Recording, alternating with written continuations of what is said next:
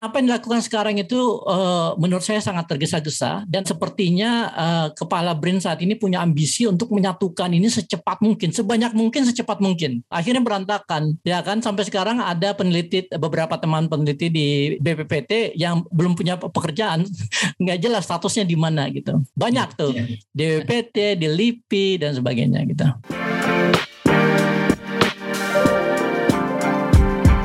Hai sahabat TCID, kalian sedang mendengarkan podcast Suara Akademia, ngobrol seru isu terkini bareng akademisi. Beberapa saat lalu, dunia riset Indonesia kembali heboh setelah 113 pegawai honorer di Lembaga Biologi Molekuler Eichmann diberhentikan pasca mergernya ke dalam Lembaga Riset Raksasa Baru Indonesia, yakni Badan Riset dan Inovasi Nasional atau BRIN. Di episode ini, Sulfikar Amir, peneliti sains dan teknologi di NTU Singapura, menjelaskan kejadian tersebut dari kemelut politik sains di era Orde Baru yang melandasi ide pembentukan BRIN hingga dampak BRIN pada nasib peneliti dan dunia riset di Indonesia.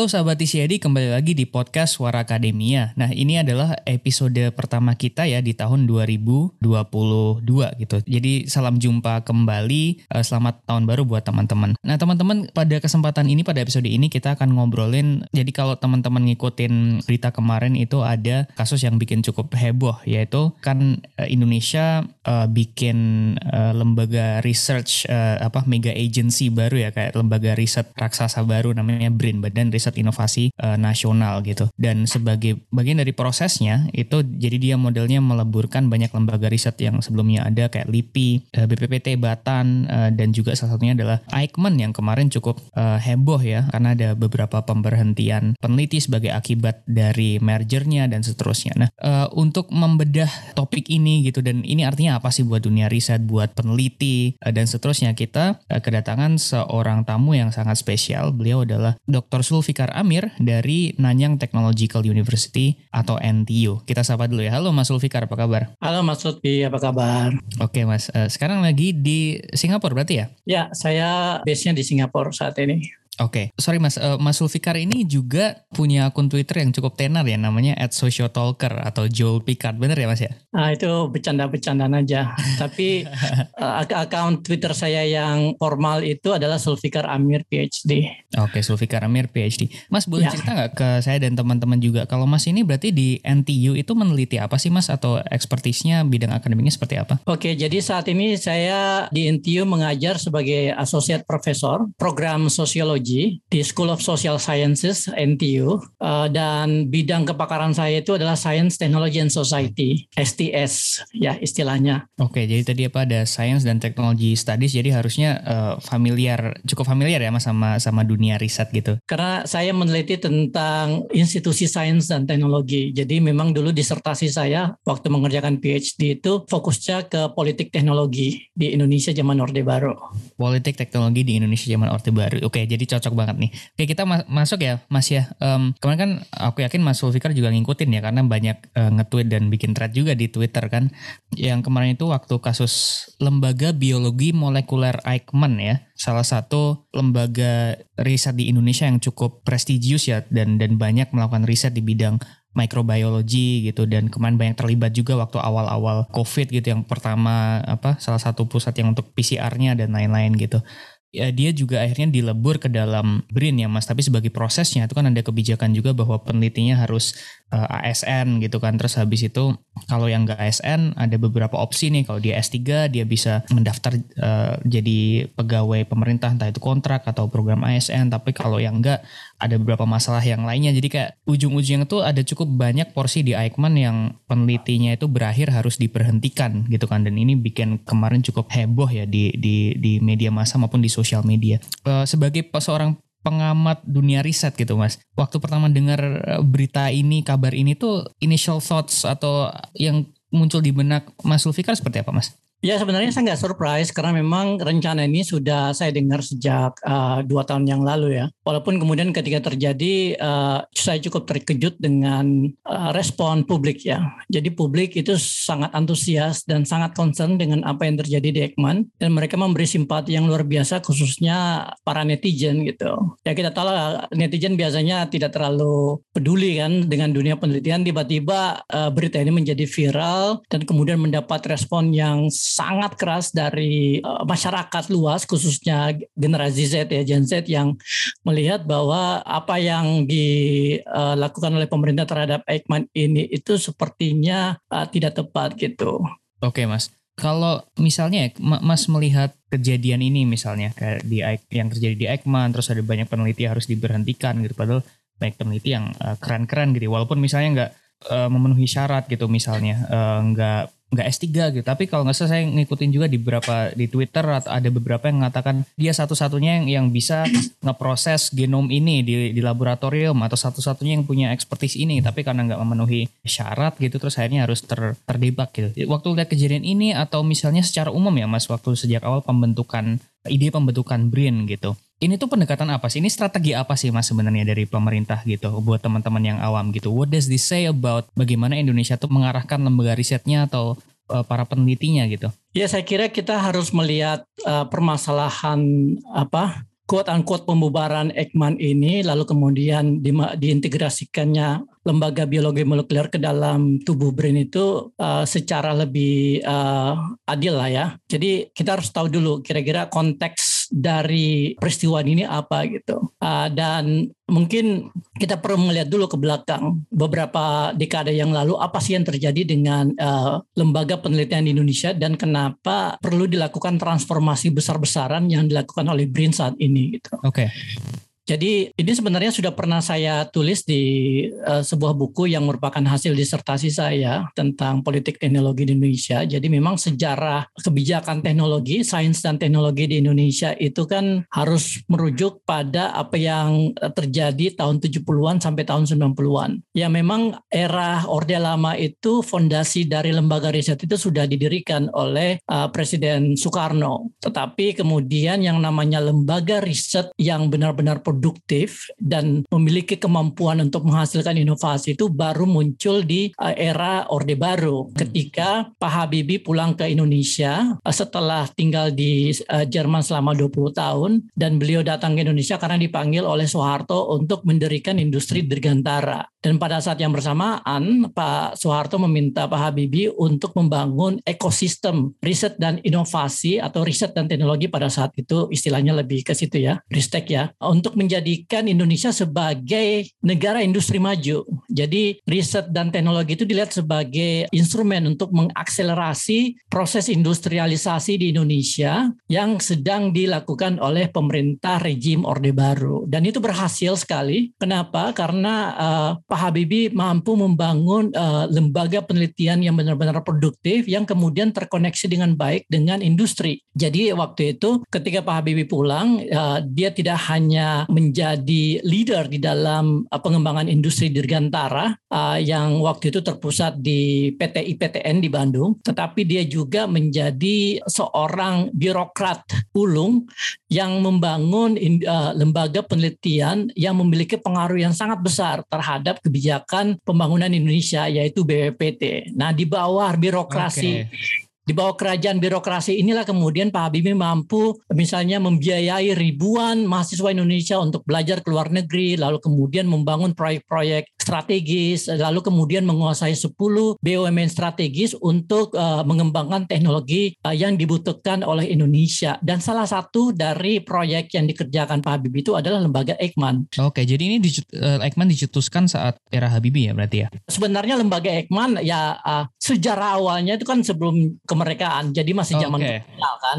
Tapi lalu kemudian uh, dimatikan selama 40 tahun kalau nggak salah, lalu kemudian Pak Habibie punya ide untuk menghidupkan kembali. Nah, waktu itu Indonesia sedang menikmati uang dari hasil minyak. Jadi duitnya itu banyak dan Pak Habibie punya akses langsung ke Soeharto untuk mendapatkan non budgeter, dana non budgeter untuk membiayai proyek-proyek uh, penelitian dan inovasi. Dan salah satunya itu adalah lembaga Eijkman tahun 92 didirikan dengan mengundang Prof. Sangkot Marzuki dari Australia untuk yeah. pulang ke Indonesia dan memimpin lembaga tersebut gitu. Nah, ketika Orde Baru kolaps tahun 98, seluruh bangunan lembaga penelitian yang dibangun Habibie ini ikut terpinggirkan juga gitu ya kan jadi beberapa proyek teknologi itu kemudian uh, dibatalkan lalu kemudian BPIS yang merupakan Badan Pengelola Industri Strategis itu dibubarkan pada tahun 2002 jadi ketika era reformasi lembaga-lembaga penelitian itu seperti kehilangan induk gitu seperti anak ayam kehilangan induk jadi nggak jelas ke mana uh, oh. dan mereka dan karena, connection karena yang, yang uh, megang Pak Habibie itu udah udah nggak terlibat lagi udah nggak ada nah, jadi Okay. Betul. Jadi Kemendristek pada saatnya pada saat uh, era Orde Baru itu kan sangat powerful. Ya kan Pak Habibie dan kawan-kawan itu punya akses langsung ke Soeharto dan mereka mampu menguasai sumber daya politik dan sumber daya birokrasi untuk mendikte kebijakan pembangunan nasional. Ya kan jadi okay. banyak proyek-proyek pembangunan itu harus dia melewati persetujuan dari misalnya BPPT, kemudian lembaga-lembaga penelitian di bawah Pak Habibie. Nah, ketika Pak Habibie sudah nggak ada, Kemendristek ini langsung kehilangan power ya kan dan hmm. kemudian posisi Menristek ini diberikan ke orang-orang yang quote unquote kurang kompeten karena posisinya dianggap semata-mata sebagai insentif politik saja buat para politisi gitu karena akhirnya Kemendristek kehilangan power kehilangan pengaruh dan kemudian lembaga-lembaga penelitian ini tidak punya koneksi kepada industri. Akhirnya ya penelitian yang dilakukan pun juga tidak terlalu produktif. Belum lagi adanya permasalahan funding ya kan? Dan kalau kita lihat funding sejak tahun 2000 sampai sekarang untuk biaya uh, research and development itu terus menurun. Jadi ini yang membuat akhirnya lembaga-lembaga riset kita itu tidak mampu uh, mencapai titik produktivitas yang diharapkan oleh pemerintah. Ya kan? Sampai kemudian akhirnya uh, Pak Jokowi beberapa tahun yang lalu mungkin pada periode pertama gitu mempertanyakan ini kita mengeluarkan puluhan triliun tiap tahun buat ristek tapi kok nggak ada hasilnya? Nah, gitu. Nah, itu okay. pertanyaan yang logis sebenarnya. Ya, ya. ya kan? Kenapa kita harus mengeluarkan begitu banyak uh, duit tapi kemudian hasilnya itu tidak jelas tidak ada kontribusi secara langsung dan signifikan terhadap pertumbuhan ekonomi. Nah, itulah yang kemudian membuat pemerintah Jokowi mencoba mencari jalan yang kemudian difasilitasi oleh DPR dengan membuat undang-undang baru namanya Undang-Undang Sisnas ya tahun 2019 yeah. ya kan untuk memperbaiki struktur kelembagaan penelitian dengan harapan bahwa dengan adanya transformasi kelembagaan ini ekosistem riset dan inovasi kita itu bisa menjadi lebih produktif gitu. Terus di dalam Sisnas Ipteknya itu salah satu mandatnya itu adalah pembentukan uh, lembaga super ini ya apa uh, Nah, sebenarnya BRIN, BRIN ya BRIN itu sebenarnya tidak ada awalnya di dalam Sisnas Iptek. Jadi oh, pembicaraan okay. Sisnas Iptek itu tidak mengikuti Captain Brain belakangan kemudian partai salah satu partai uh, besar di DPR yakni PDIP itu memasukkan. Hmm. Nah, Nah, tapi konsep BRIN itu sebenarnya datangnya dari para peneliti juga. Jadi para peneliti yang berada di lembaga penelitian seperti LIPI, BPPT dan sebagainya itu resah karena mereka melihat semakin ke sini semakin sedikit funding yang mereka terima, ya kan? Dan akhirnya mereka membuat satu konsep yang kemudian mereka komunikasikan dengan Bu Megawati, yang kemudian diterima dengan baik Bu Megawati, lalu kemudian difasilitasi oleh PDIP di dalam pembuatan Undang-Undang Sisnas Iptek. Oke. Okay. Ya kan. Nah, jadi BRIN itu sebenarnya dari dari komunitas peneliti juga. Lalu kemudian, tapi sebenarnya gini ada dua. Jadi kalau kita lihat BRIN itu kan dasar hukumnya itu kan dua, Sisnas Iptek, Undang-Undang Sisnas Iptek tahun 2019. Sama Lalu pemerintah ya. ya. Sama Perpres Peraturan Presiden oh, peraturan tahun Presiden ya nomor 78 tahun 2021. Ini dua nih. Nah, di dalam Undang-Undang Sistem Siptek, BRIN itu dikatakan didefinisikan sebagai lembaga yang fungsinya itu melakukan koordinasi. Tapi kemudian ketika Perpresnya keluar ya tahun 2021, BRIN itu menjadi super agency. Oke. Super agency uh, itu definisi apa itu Mas berarti? Dia memiliki otoritas untuk melakukan sentralisasi aktivitas riset dan inovasi kendali penuh ya berarti ya Betul, tapi ada satu hal yang menarik perlu dicatat di sini. Di dalam Perpres 78 tahun 2021 itu hanya ada empat lembaga penelitian yang akan diakuisisi di bawah BRIN. Empat itu adalah BPPT, ya, LIPI, Batan, sama Lapan. Ya. Oh yang nah, yang empat LPNK empat, yang dulu di bawah Ristek ya? Betul, empat ini aja. Ekman itu nggak ada di dalam Perpres. Oke. Okay. Jadi Ekman itu tidak ada secara eksplisit di dalam Perpres apalagi di dalam undang-undang. Artinya sebenarnya Ekman itu bisa menolak. Oke. Okay. Tapi kok ujung-ujungnya masuk Nah, kan, jadi kan gini, BRIN itu kan inginnya menguasai seluruh sumber daya uh, riset dan inovasi yang ada yang dimiliki oleh pemerintah. Jadi mereka mau mengakuisisi empat lembaga besar ya. Lalu kemudian mereka mau ngambil aset dan sumber daya manusia dari setiap kementerian yang memiliki litbang. Oke. Okay. Kan setiap kementerian kan punya litbang kan? Iya, iya. Dan itu berarti mereka punya orang, mereka punya alat, mereka punya budget. Nah, kalau misalnya semua kementerian ini memberikan asetnya ke BRIN, maka BRIN itu punya aset yang luar biasa banyaknya gitu. Oke, jadi sekarang tapi, tapi uh, sampai sekarang tidak tidak semua kementerian itu berhasil dinego sama sama BRIN. Jadi cuma ada beberapa. Kalau nggak salah ada lima kementerian yang tetap bertahan tidak mau kasih. Oh ya, saya saya sempat dengar juga beberapa itu. Ya. Itu, itu masih ya. masih cukup. Oh, itu itu itu itu, ya. itu negosiasi politik yang tingkat atas lah, okay. ya kan? Jadi sekarang gitu. di bawah payungnya BRIN itu, di bawah otoritasnya BRIN itu berarti ada yang empat besar tadi itu, kemudian ada Eijkman plus lead dari uh, sekian puluh uh, ya, kementerian dan lembaga ya, gitu betul, yang semuanya betul. sekarang akan di bawah BRIN dengan betul. kayak di, dikelompokkan gitu organisasi organisasi iya. riset ya. topik apa terus kemudian semuanya di, digabung-gabungin sesuai dengan topiknya gitu jadi itu yang dimaksud super agency gitu berarti ya mas betul betul uh, ada dua masalah uh, yang menurut saya kenapa BRIN itu mengambil keputusan yang kurang tepat untuk mengakuisisi Eijkman ya. Okay. pertama itu masalah posisi Ekmannya sendiri. Jadi Ekman itu sudah relatif mapan ya dalam hal melakukan penelitian, kemudian dalam hal mendapatkan grant baik dari pemerintah maupun dari luar. Yang kedua adalah masalah timing, karena sekarang itu Ekman seperti kita tahu punya kontribusi yang sangat besar dalam penanganan pandemi. Hmm. Nah, ketika BRIN itu mengakuisisi Ekman dalam situasi seperti ini, akhirnya dampaknya sangat serius terhadap kinerja Ekman untuk menjalankan fungsinya yang sangat dibutuhkan oleh masyarakat dan pemerintah tidak terlalu urgent gitu untuk digabungkan. Beda dengan misalnya LIPI, Batan dan sebagainya yang memang relatif tidak kurang produktif. Oke, okay. ya kan? Eijkman cukup kenceng ya selama pandemi. Benar. Kan? Nah, jadi sebenarnya uh, uh, menurut saya Eijkman itu tidak perlu diakuisisi dalam BRIN dan ini sebenarnya bagus juga buat BRIN. Kenapa? Karena apa yang dilakukan sekarang itu menurut saya sangat tergesa-gesa dan akhirnya punya dampak terhadap BRIN sendiri karena sepertinya uh, kepala BRIN saat ini punya ambisi untuk menyatukan ini secepat mungkin, sebanyak mungkin, secepat mungkin. Hmm, okay. Dan tidak mungkin akan terjadi dalam uh, bisa selesai dalam waktu satu dua tahun, okay, ya kan? Okay. Jadi mestinya kalau dia mau ya uh, sebaiknya uh, BRIN itu melakukan transformasi secara gradual. Jadi pelan-pelan aja kalau misalnya dia mau melihat jangka panjang proses transformasi ini, paling tidak 5 sampai 7 tahun ke depan. Jadi ya udah empat itu aja dulu diurus. Misalnya LIPI, Batan, BPPT sama 8. Ya itu dulu, empat dulu dikonsolidasi, diperbaiki ya. Kalau misalnya sudah mapan baru ngambil satu persatu lagi dari luar gitu.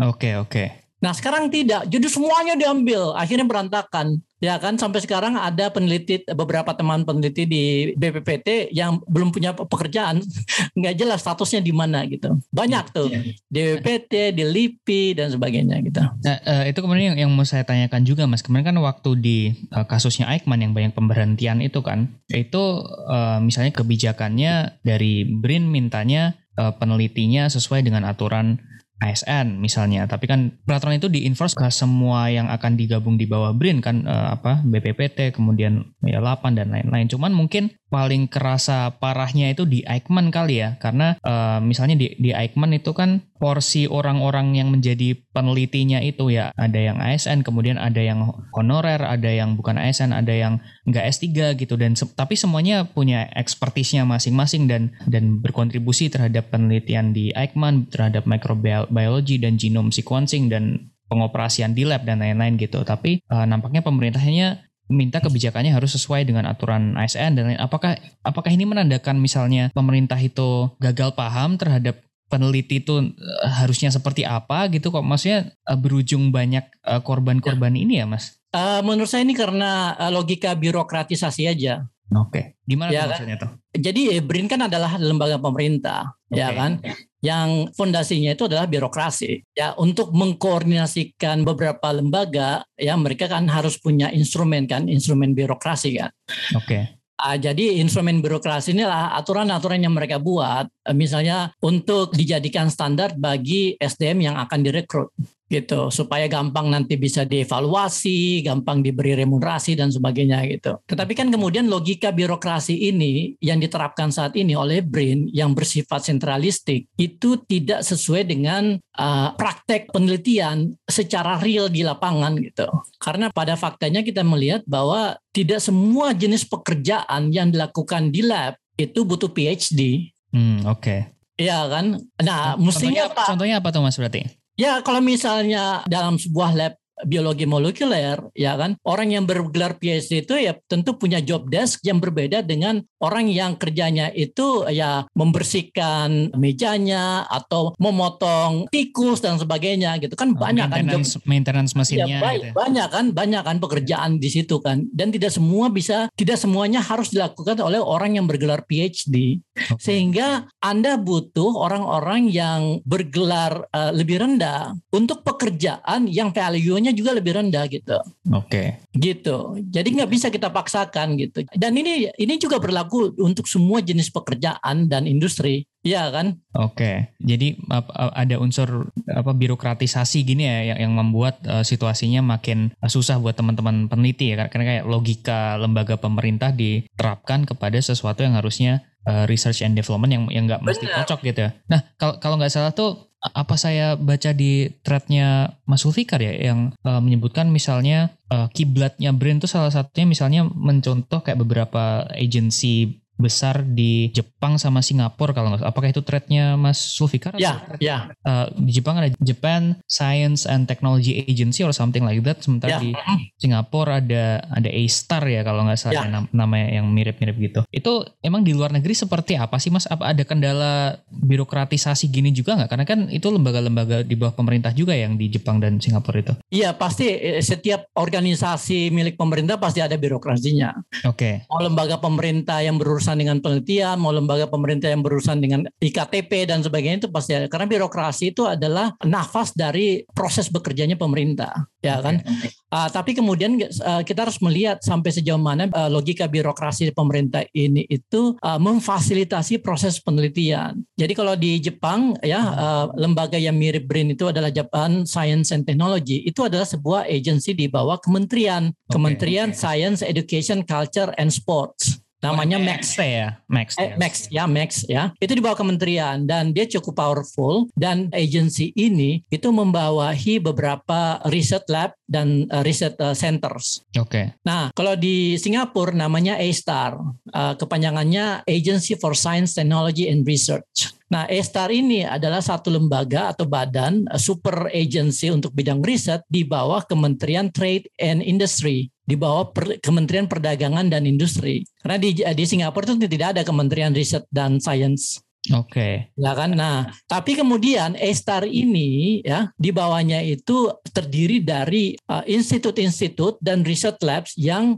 bersifat otonom. Hmm. Itu. Jadi A-Star itu semacam lembaga yang memfasilitasi proses pendanaan dan oh. mengkoordina dan mengkoordinasi trajektori dari penelitian yang dilakukan oleh research lab. Tapi risetnya sendiri itu otonom. Mereka mau meng-hire berapa orang, kemudian posisinya seperti apa. Ya itu tergantung mereka sendiri gitu. Hmm, Bukan datang dari pusat. Oke, okay, gitu.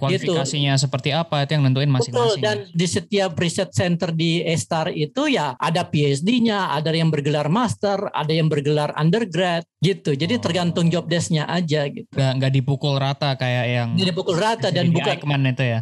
Betul dan bukan pegawai pemerintah gitu. Hmm, Oke, okay. jadi saya bayangin kalau misalnya di A Star uh, di Singapura yang uh, itu fungsinya lebih ke uh, tadi uh, distribusi pendanaan, koordinasi pendanaan, kemudian rencana riset gitu ya, berarti ya, ya. kita arahnya ke sini nih selama lima tahun ke depan, gini gini gini gini. Kalau di Indonesia kan ada RIRN ya, rencana induk. Betul betul. Walaupun sebenarnya secara makro Singapura punya namanya semacam RIN juga, jadi ada semacam National Research and Innovation Trajectory selama lima tahun. Okay, mereka tetapkan kira-kira sektor mana yang strategis sehingga mereka tahu proyek-proyek penelitian mana yang akan didanai dan diinvestasi gitu. Oke, tapi A-Star ini nggak nggak kayak Brin yang kayak megang semua eksek, sampai eksekusinya terus. Oh enggak, enggak. Oke. Oke, itu beda bedanya berarti ya kayak gitu ya. Nggak ada, betul. Oke, Mas. Nah, kalau misalnya uh, seperti itu yang terjadi di Brin gitu, kayak uh, semua dipukul rata pakai aturan yang tadi kualifikasi pemerintah uh, yang ASN, S3 dan lain-lain, cuma semua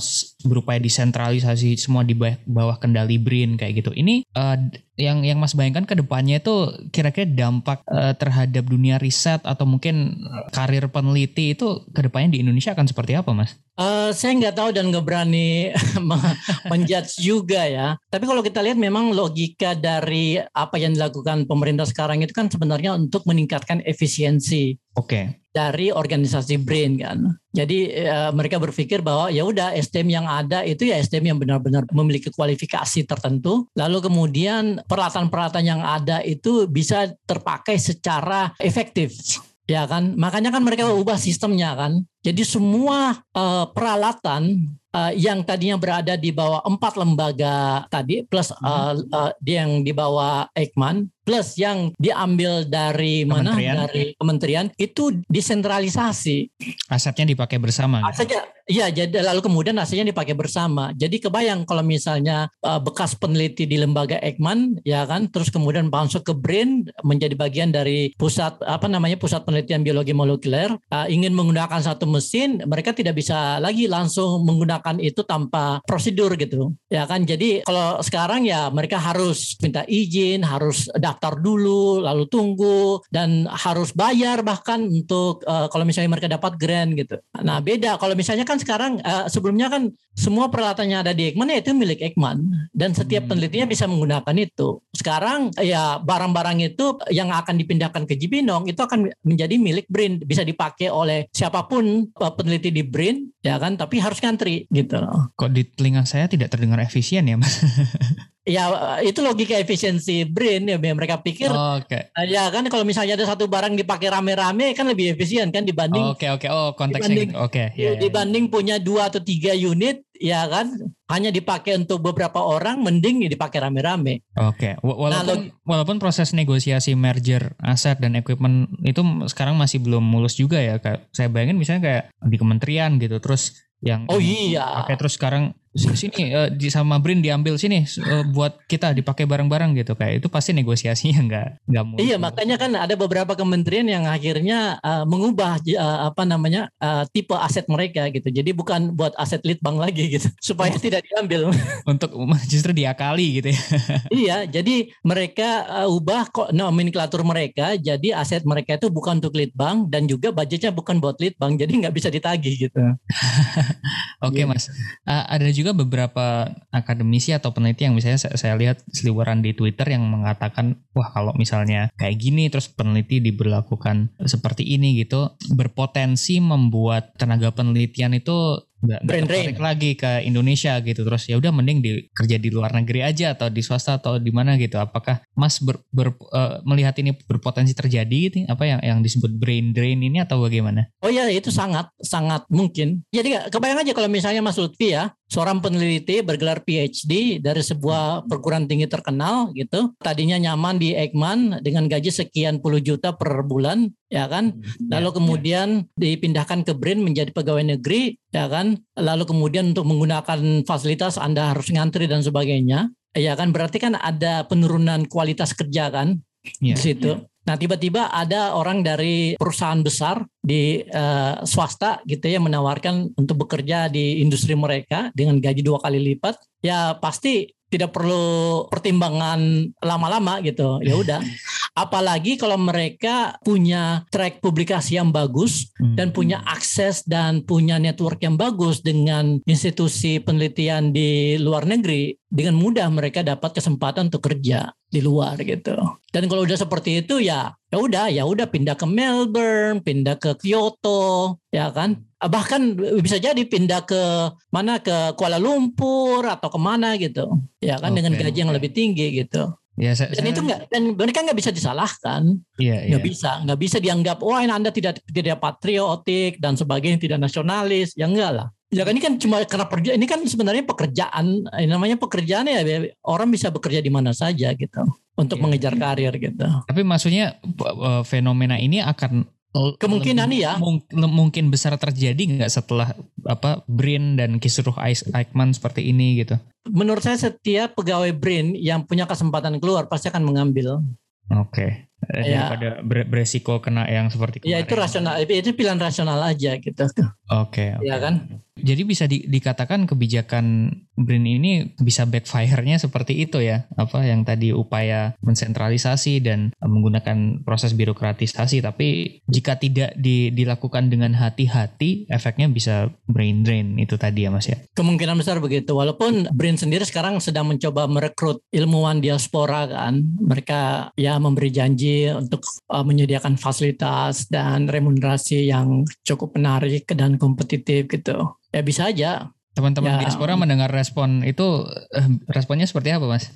Ya mungkin mungkin orang ya, diaspora yang mau pulang dan kemudian memang sedang mencari pekerjaan ya kenapa enggak gitu. Oh oke. Ya Oke kan. mas. Nah mas mungkin ini pertanyaan terakhir saya mungkin ya mas. Eh, mas kan eh, banyak meneliti tentang tadi politik sains dan teknologi di Indonesia dan juga mungkin Asia Tenggara juga saya bayangkan kalau di Singapura gitu. Terus eh, tentu proses atau strategi yang sekarang gitu ya. Walaupun misalnya BRIN itu adalah upaya eh, pemerintah untuk kembali merevitalisasi impian koordinasi riset seperti yang era Habibie gitu. Ya. Impian besarnya kan seperti itu. Tapi nampaknya dalam proses restrukturisasinya, mergernya dan eh, penggabungan lembaga riset ini masih belum semulus yang diinginkan gitu. Ada beberapa kesulitan di sana sini seperti yang kita lihat di kasus Aikman kemarin ya. Lalu berdasarkan pengalaman Mas misalnya di Asia Tenggara atau berdasarkan riset-risetnya, seharusnya seperti apa sih Indonesia itu mengorganisir lembaga riset atau memfasilitasi karir peneliti itu idealnya seperti apa Mas? Ya satu hal yang menurut saya belum dilakukan oleh BRIN yang menurut saya justru lebih fundamental yaitu membangun link antara riset dan industri dan itu adalah kunci keberhasilan Pak Habibie dan juga kunci keberhasilan riset dan inovasi di negara-negara lain khususnya seperti Singapura dan Jepang. Nah sampai saat ini saya belum melihat uh, linkage yang coba dibangun oleh BRIN padahal masalah utamanya kan di situ Hmm. ya kan. Jadi kalau misalnya BRIN itu berfungsi menjebatani ya eh, BPPT dengan industri otomotif misalnya, ya kan LIPI dengan industri farmasi, Ekman dengan industri vaksin dan sebagainya gitu. Ya kita nggak butuh eh, proses restrukturisasi dan transformasi besar-besaran yang dilakukan BRIN saat ini gitu.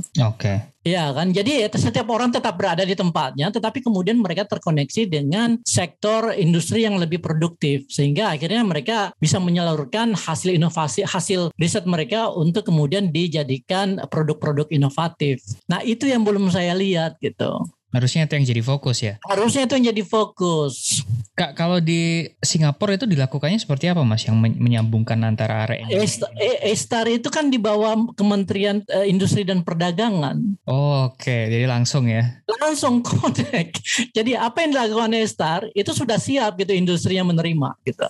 Oke, Gitu. difasilitasi oleh oleh Betul. induknya Kementerian Industri. Betul. Nah, kalau di Jepang itu eh, mereka udah punya eh, struktur yang sudah lama mengakar ya, struktur industri dan inovasi yang sudah lama mengakar gitu. Dan itu dimulai zaman pasca Perang Dunia Kedua lewat peran dari MITI, Ministry of Industry, Trade and eh, ini ini Industry and apa ya, International Trade gitu. Eh, sehingga setiap penelitian itu bisa langsung connect juga misalnya ke Honda, ke Toyota, ke Sony Sony dan sebagainya gitu, Hitachi, Mitsubishi gitu. Nah Indonesia tuh nggak ada. Jadi BRIN ini setelah semua penelitian dipindahkan ke Cibinong, sekarang jadi pertanyaan apakah Cibinong itu akan connect dengan misalnya industri elektronik kita atau industri startup-startup yang muncul gitu, ya kan?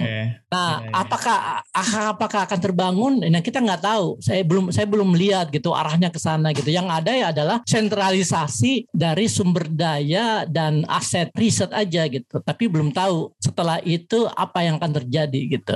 Jadi masih harus melihat ya apakah Cibinong akan terkoneksi ke Karawang besok ya. Exactly. Nah, ya tidak hanya sekedar bangun jalan tol tapi secara institusi gitu kan.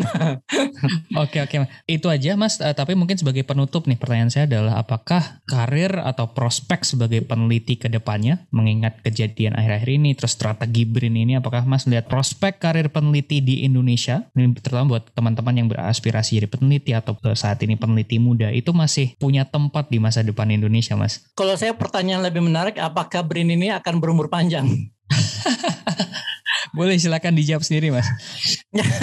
Soalnya kan BRIN itu seperti saya bilang tadi, dasar hukumnya kan Perpres. Oke. Okay. Ya kan? Nah, uh, sementara di satu sisi BRIN itu butuh paling tidak dua tahun untuk uh, mencapai titik stabil setelah seluruh penelitinya itu berada di posisi masing-masing. Nah, 2024 kita ngetahui apa yang terjadi.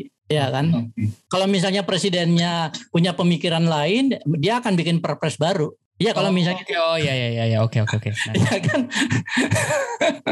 ya ya ya benar benar. Jadi dia kan dia, dia kan bikin perpres baru yang menganulir perpres lama gitu. Selesai ya berarti ya. Selesai.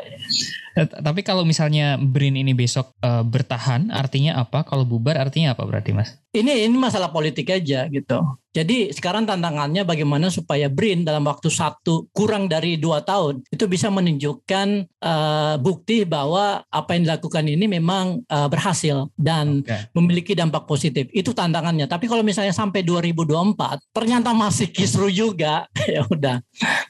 Ya udah kita nanti nanti uh, nantikan presiden berikutnya memutuskan seperti apa gitu berarti ya. Ya, ya. Oke. Okay. Lihatlah. Oke, okay, uh, itu aja uh, dari saya Mas uh, Sulfikar makasih banyak ya um, buat teman-teman yang awam semoga tadi bisa membantu untuk memahami gitu ya. Ada apa sih di balik kisru akhir-akhir ini kemudian ada BRIN itu artinya apa buat dunia riset dan lain. Makasih banyak uh, Mas Sulfikar uh, pemaparannya dan sharing-sharingnya tadi ya. Sama-sama. Oke, okay.